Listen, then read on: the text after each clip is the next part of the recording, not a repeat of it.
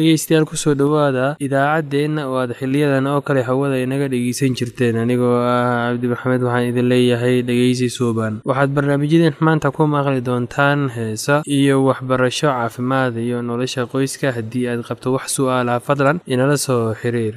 Ciwaankeenna waa radio somaly at yahu dt com. Mar labaad ciwaankeenna waa radio somaly at yahu dt com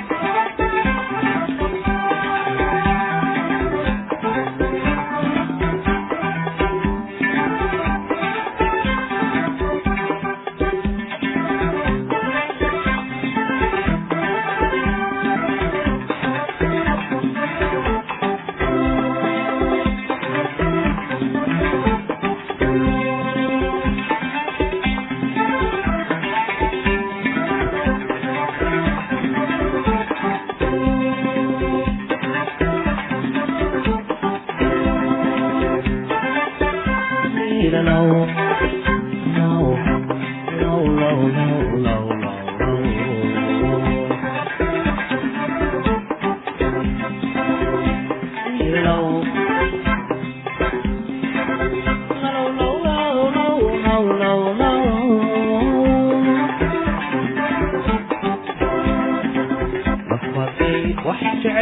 Hey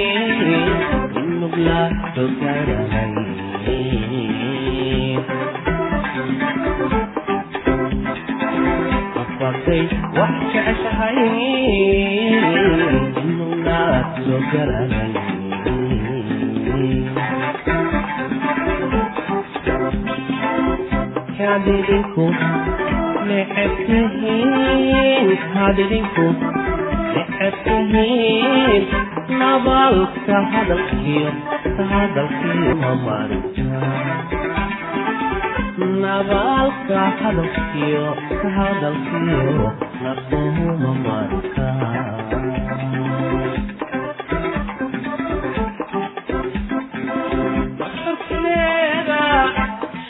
God.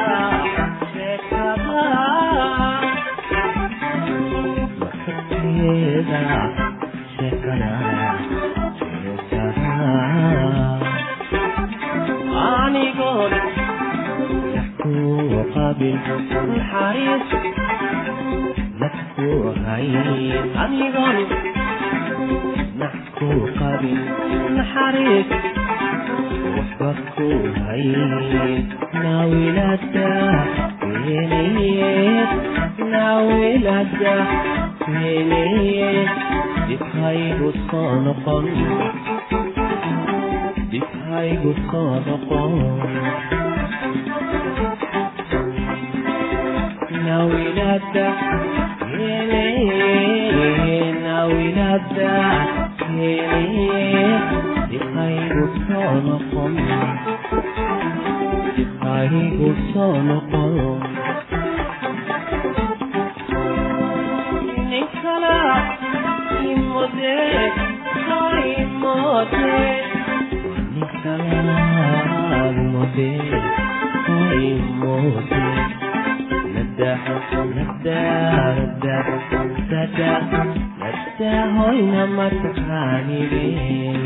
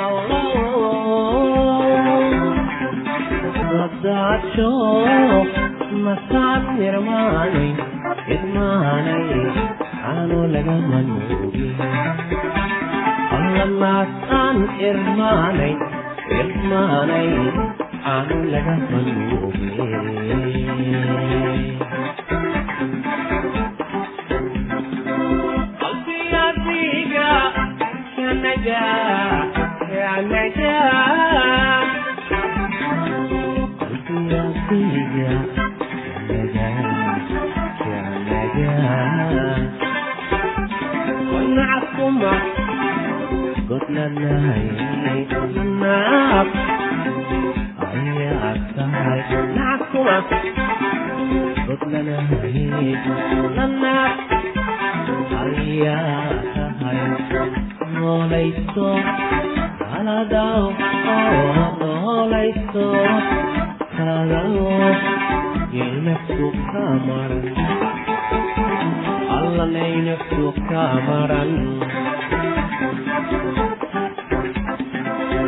noolayso saladaho noolayso saladaho naftu kamaran allay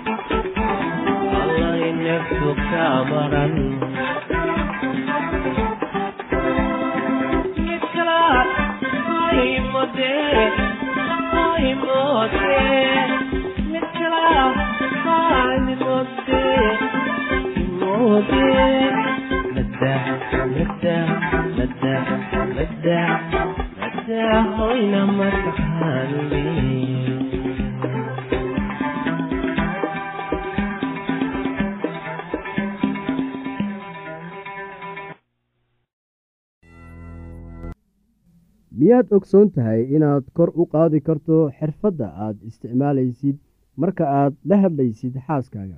Tan waxay keenaysaa natiijo ah inaad kor u qaadaan hab nololeedka gurigiina ama reerkiina. Waxaa jirta ooraah af ingiriisi ah oo odhanaysa trade your family like friends and your friends like family. Taasoo macnaheedu yahay ula dhaqan qoyskaaga sida saaxiibo oo kale. Saaxiibadaadana ula dhaqan sida qoyskaaga oo kale. Badankeen waxaynu u baahan nahay inaynu muujinno dadaal dheeraad ah oo inaynu xaaskeenna ula hadalno si deggan isla sida aynu saaxiibadeenna ula hadalno. Aalaa isdhexgalku waxa uu keenaa dayac iyo xurmayn la'aan oo ma lahaanayno dareen ina xukuma. Waxaynaynu dareemaynaa inaynu samayn karno oo odhan karno wax waliba oo aynu doonno waxaynu isku odhanaynaa maxaa ka micno ah haddii aad sidaa u hadashid ama aad sidaa samaysid? Waa maxay kuwan waa dad qoyskaaga ah sida xaaskaaga ama carruurtaada waxaynu isa siinaynaa dadka ka tirsan gurigeenna oo waxaynu ula dhaqmaynaa sida kuwa aynu inaga leenahay. Waa dad aad wada joogtaan maalin kasta iyo wakhti kasta. Deetana dareenkii qaaska ahaa ee is-xushmaynta si tartiib tartiib ah ayuu u lumayaa. Tan oo kale miyay ku qabsatay weliga? Kaba soo qaad waxa aad u socdaashay meel ka fog guriga muddo dhan saddex isbuuc. Kadib markii aad ku soo laabatay guriga waxaa lagula dhaqmayaa sidii qof marti ah oo kale. Laba ama saddex isbuuc dabadeed xurmadii qaaska ahaanta ahayd oo lagu siinayay ayaa dhammaanaysa. Oo sidii caadiga ahayd oo aad isu dhexgeli jirteen ayaa bilaabanaysa oo nin nin sidaa u danaynayo ma jirto. Waxa aynu ka hadlayno waxa weeye habka ugu wanaagsan ee aad kula xiriiri karto oo aad kula hadli karto qofka aad wada joogtaan. Sidee ayaad hadal ugu bilowdaa qofka aad wada joogtaan? Habka aad ula hadlaysid miyaa loo arkaa sida inaad jeesjeesaysid oo aad waxba ka dan lahayn? Miyaad muujinaysaa inaad xiisaynaysid qofka aad wada joogtaan oo aad isguursateen si uu u garto inaad danaynaysid isaga marka aad isticmaalaysid ereyga ah aniga adiga oo hadlaysa waxa uu ku tusayaa dareenka saxa ah ee aad ka qabtid xaaskaaga. Way wanaagsan tahay inaad isticmaasho ereyga ah aniga marka ay kaa xanaajiyaan waxyaalaha uu sameeyo qofka aad wada joogtaan. Intii aad erayo iyo ficil kulkulul kaga jawaabi lahayd waxaa wanaagsan inaad tidhaahdo waxa aan dareemayaa xanaaq maxaa wacay bal waxa aad isbarbar dhigtaa sidii ay labadan hablood ugu kala jawaabeen markii ninkooda diiday inuu casho dibadda ka soo siiyo. Inantii ugu horreysay iyada oo cadhaysan ayay sidan kaga jawaabtay waxba ma danaysid aniga adiga ayuunbaan addoon ku ahay. Qof kale kama fikirtid oo adiga ayuunbaa iska fikira. Araggaaga waxa uu iga yeelaa inaan jirado sidee ayaad uga jawaabi lahayd naag sidaa u hadlaysa oo ku eedeynaysa oo ku xukumaysa oo sumcadaada hoos u dhigaysa caro awgeed? Tan iyada ah waxa ay ninkii ku sii qasbaysaa inuu sii diido. Ninkii wuu sii madax adkaanayaa oo waxa uu uu gelayaa isdifaacid. Mustaqbalka dalbasho qusaysa arrintan way yaraanaysaa haddiiba arrintu sidan tahay bal dhegayso sida ay haweentii kale kaga jawaabtay markii ninkeedu diiday inuu casho dibadda ka soo siiyo. Caawa waxaan u baahanahay nasasho maxaa yeelay toddobaadkan oo dhan waxa aan ka shaqaynayay guriga. Waxaan doonayaa inaan wakhti kula yeeshto oo aan kula sheekaysto. Caawa sida dad waaweyn oo kale naagtan labaad iyada oo qura ayuunbay iska hadlaysaa oo waxay sheegaysaa sida ay dareemayso. Oo runtii ninkeeda waxa uu ka doodaba ma lahan maxaa yeelay waxay sheegtay oo qura siday dareemayso oo ma aanay soo magac qaadin isaga. Haddii aad adigu tahay waxaa dhici kara inaad xitaa go'aankaagii hore beddesho oo aad haweentan casho u kaxayso. Miyaanad sidaas samayseen maxaa wacay hadalkii ku dhisan ereyga ah aniga ayaa waxa uu si dhaqsiya iridda uga bixinayaa weerar isdifaacid iyo cay timaada haddii ay naagtu xusiiso ninkeeda waxyaabo iyada oo dacweynaysa oo ku leh waxaad wakhti badan siisaa shaqada xafiiska oo wakhtiga uma haysid reerkaaga waxaa dhici karta in ninku sidan kaga jawaabo arrintan. Mar waliba sidan ayaa tahay bilow haddana mar kasta eedeyn iyo gunuunac. Badanaa waxaynu hilmaanaa sida qofka aynu la noolnahay u doonayo inuu ina daneeyo oo ina tixgeliyo. Sida dhabta ah haddii aad doonaysid in dareenkaaga la tixgeliyo waa inaad si joogto ah oo toosan ula xidhiirta afadaada ama ninkaada. Waxa aad dareemaysid u sharax qofka aad wada joogtaan si uu u awoodo inuu fahmo waayahay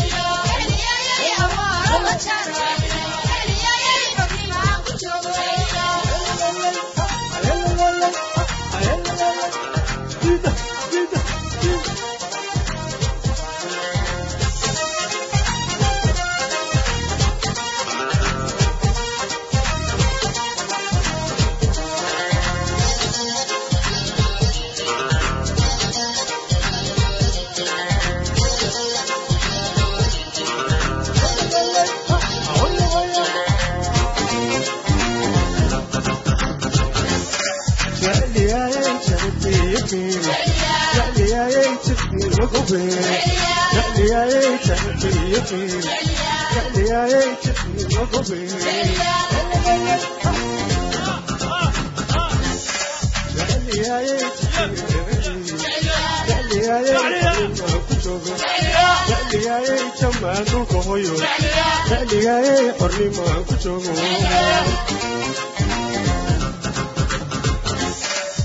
تعلياي جدي مخشاش تعلياي جنان والهشاش تعلياي جدي مخشاش تعلياي هركي صول شاش تعلياي جدي تعلياي جدي مخشاش تعلياي جمال القهوة تعلياي حرمة تشوقه waa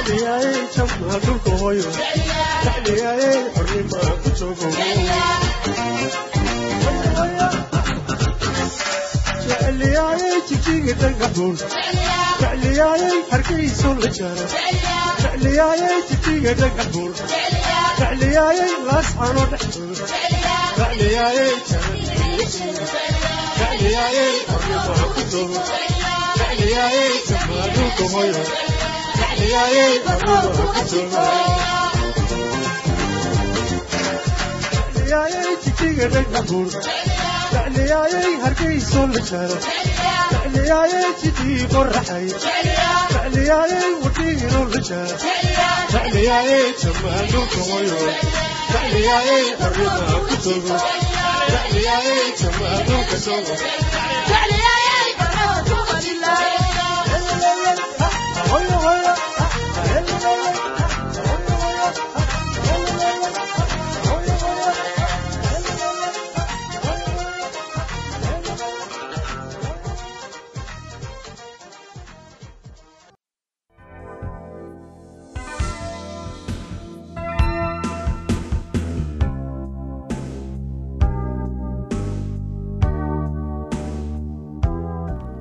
waalidiinta badankooda waxay haystaan fikradda qaladka ah ee ku saabsan in carruurta ay iyaga iskooda wax u bartaan iyaga oo aan la caawimin. Waxaanay intooda badan doortaan inaanay wax faragelin ah ku samayn koritaanka waxbarashada ee caadiga ah ee cunuga. Waalidiinta qaarna waxay doonayaan inay carruurtooda ka caawiyaan sidii ay wax u baran lahaayeen laakiin ma garanayaan habkii ay u caawimi lahaayeen waxaan eegayaa qodobo ku saabsan waxbarashada. Kan koowaadna waa mid inteena badan aynu iska indha tirno kaasoo ah in cunugba uu cunuga kale ka duwan yahay. Middan waa mid aala indhaha inoo furi karta laakiin intee in la eg ayay waalidiinta badan tilmaamaan ama ay hilmaamaan arrintan. Laakiin intee in la eg ayay waalidiin badan hilmaamaan arrintan. Marka ay hal fikrad ku habboonaato hal cunug ama ay ku wanaagsanaato waxaad ku fikiraysaa in cunug weliba ay ku habboon tahay fikraddiisa carruurta fikradooyinkooda kala duwan waxa ay u bartaan habab kala duwan. Qof ayaa hadda ka hor waxa uu yidhi sinaan la'aanta ka jirta adduunka ayaa waxay tahay iyada oo sinaan la siiyo sinaan la'aanta. Tan iyada ah waa ku run marka la eego sida carruurtu wax u bartaan macnaheedu waxay tahay tani waa masaal wanaagsan oo loo eegi karo sida carruurtu wax u bartaan. Tan ayaa ka mid ah waxyaalaha shaqada macalinka ka dhiga mid adag. Waxaa laga yaabaa inuu waxbarayo fasal ay ku jiraan labaatan ilaa iyo soddon arday oo midba midda kale ka duwan yahay ama midba midka kale uu ka duwan yahay. Waa inuunan raadiyaa habab kala duwan oo uu wax u bari karo mid kasta oo ardadan ka mid ah. Tan waxaa kale oo ay la micno tahay in waalidiintu qaataan qodobada ku saabsan waxbarashada oo ay isticmaalaan marka ay carruurtooda waxbarayaan. Habka waxbarasho ee ku wanaagsan carale waxaa dhici karta inuusan wax faa'iide ah u lahayn maryan. Marka aad tijaabadan qaadaysid furfurnow oo iska isku day inaad xaalad kasta la qabsato waxaa jira qeyb maskaxda ka tirsan oo si qaasa ugu muhiim ah barashada casharada ku dhisan waxa aan la taaban karin. Qeybta iyada ah waxaa la yidhaahdaa maskaxda dhexe ama waxa luuqadda af ingiriiska lagu yidhaahdo mid brain. Waxa ay u qeybsan tahay laba qaybood. Labadan qaybood waxa ay sutida u hayaan ama faragelin weyn ku leeyihiin habka aad wax u baratid iyo sidoo kale habka ay caruurtaadu wax u bartaan labadan qaybood ee ka tirsan maskaxdaada si aad u kala duwan ayaa loo isticmaalaa. Marka aad shay baranaysid waxaa laga yaabaa inaad isticmaashid qeybta dhanka midigta jirta. Barashada shay kalena aad isticmaashid dhanka bidix. Waxaa xiise leh ayaa waxa ay tahay inaynu kor u qaadi karin waxbarashadeenna oo keliya laakiin xitaa aynu awoodno inaynu kor u qaadno tan caruurteenna haddii aynu fahamno oo aynu baranno habka labadan qaybood ee maskaxda u shaqeeyaan haddii si loo eego waxaynu isticmaalnaa labada qaybood ee ka tirsan maskaxda dhexe. Laakiin mid kasta oo inaga mid ah labada qaybood mid ayuu aada u isticmaalaa marka loo eego isticmaalka tan kale. Qeybtaasi waxay noqon kartaa tan bidix ama tan midig. Caruurteennana waa midda sidaas iyo si la mid ah. Dhanka bidix ee maskaxda waxaa loo isticmaalaa barashada luuqadda waxaa kale oo loo isticmaalaa xalinta dhibaatada waqti ilaalinta ka fikridda ku dhisan tilaababa mar. Waa xusuusasho ku dhisan waa xusuusasho ku dhisan sida barashada ba ta ja xa dhanka midig ee maskaxda waxaa isticmaala farshaxanada ama qolada farshaxanayaasha qorayaasha iyo fanaaniinta. Halka iyada ah weye halka waxbarashada ku dhisan maskaxda ay ka bilaabato waxaa jira dad iyaguna hal abuuritaan badan isticmaala xagga shaqadooda. Tusaale ahaan markaan u soo qaadano tusaale ahaan markaanu taasi u soo qaadano waxaa loo soo qaadan karaa macalimiinta iyo waalidiinta islamarkaasi ay isku dayayaan inay helaan habka ugu wanaagsan ay caruurtooda ku barbaarin lahaayeen. Marka ay sidaa sameynayaan waxay isticmaalayaan qeybta midig ee maskaxda. Wax akhrinta iyo fahmidda waxa aad akhrisay waxaad isticmaalaysaa dhanka midig ee maskaxda. Dadka orda iyaguna aala waxay isticmaalaan dhanka midig ee maskaxda. Waxay ku fiican yihiin tartanka orodada laakiin markay timaado xagga waxbarashada fasalka khaasatan luuqadda aad ayay ugu liitaan. Ragga inta badan waxay isticmaalaan dhanka midig ee maskaxda haweenkana dhanka bidix. Sababta iyada ah weeye sababta ay ragga uga horumarsan yihiin haweenka oo aad ragga uga helaysid guddoomiyaal bangi kuwaasoo inta badan ku howlan qorshooyinka culculus iyo qorshooyinka dhaadheer ee loogu talagalay inay shaqeeyaan sanooyin. Laakiin waxyaalo badan ayay tilmaamaan. Waxay wax u eegaan sida isha shimbirta wax u eegto. Naagahana marka sida kale loo fiiriyo waxay nolosha u eegaan tallaababa tallaabo. Waxay si habboon u xamilaan hawsha ku dhisan maalinba maalinta kale taasoo sal u ah howlihii loo qorsheeyey sanadka oo dhan sababta iyada ah weeye sababta ay haweenku u noqdaan xoghayeen wanaagsan waa sababta aad u aragtid haween badan oo macalimiin ah. Ninka uma dulqaadan karo dhibaatada carruurta iyo danayntooda. Haddaba sidee baad u isticmaali kartaa waxyaalahan aad baratay oo dhan? Islamarkaasi aad qorsheynaysid sidii aad caruurtaada ugu caawimi lahayd waxbarashada. Marka hore waxaad isku daydaa inaad ogaatid in cunugaagu isticmaalo qeybta midigta ee maskaxda.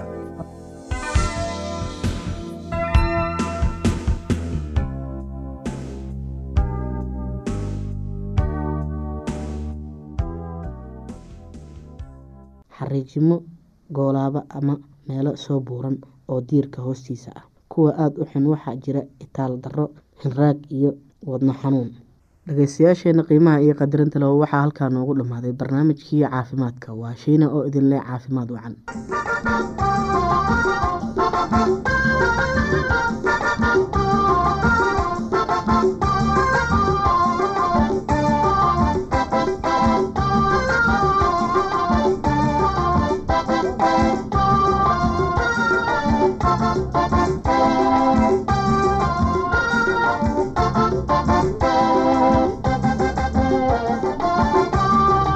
aad qabto wax su'aalaha fadlan inala soo xiriir. ciwaankeenna waa radio somaly at yahu t com. mar labaad ciwaankeenna waa radio somaly at yahu dt com. barnaamijyadeena maanta waa naga intaas. haddii aad qabto wax su'aalaha fadlan inala soo xiriir. ciwaankeenna waa radio somaly at yahu t com. mar labaad ciwaankeenna waa radio somaly at yahu dt com. barnaamijyadeena maanta waa naga intaas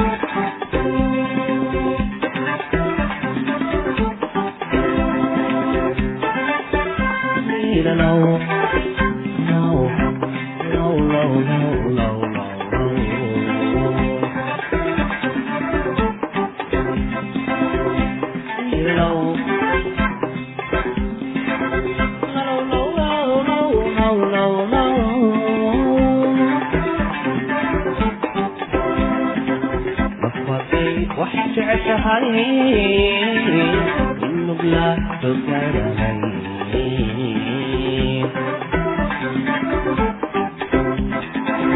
afatay wax jeceshahay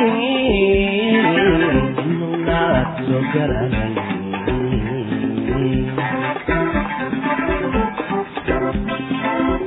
hadidinku necebtihiin hadidinku waxaad tihiin nabaalka hadalkiyo hadalkiyo nasoomumari nabaalka hadalkiyo hadalkiyo nasoomumari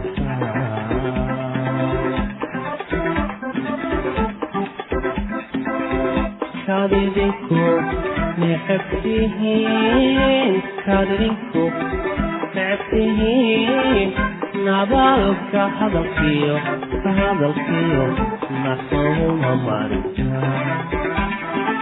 marnabaalka hadalkiyo hadalkiyo nasuma marka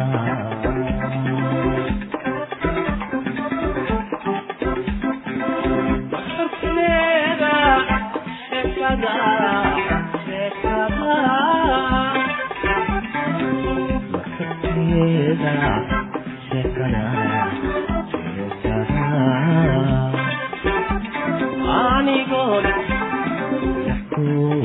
naxariis dadku hay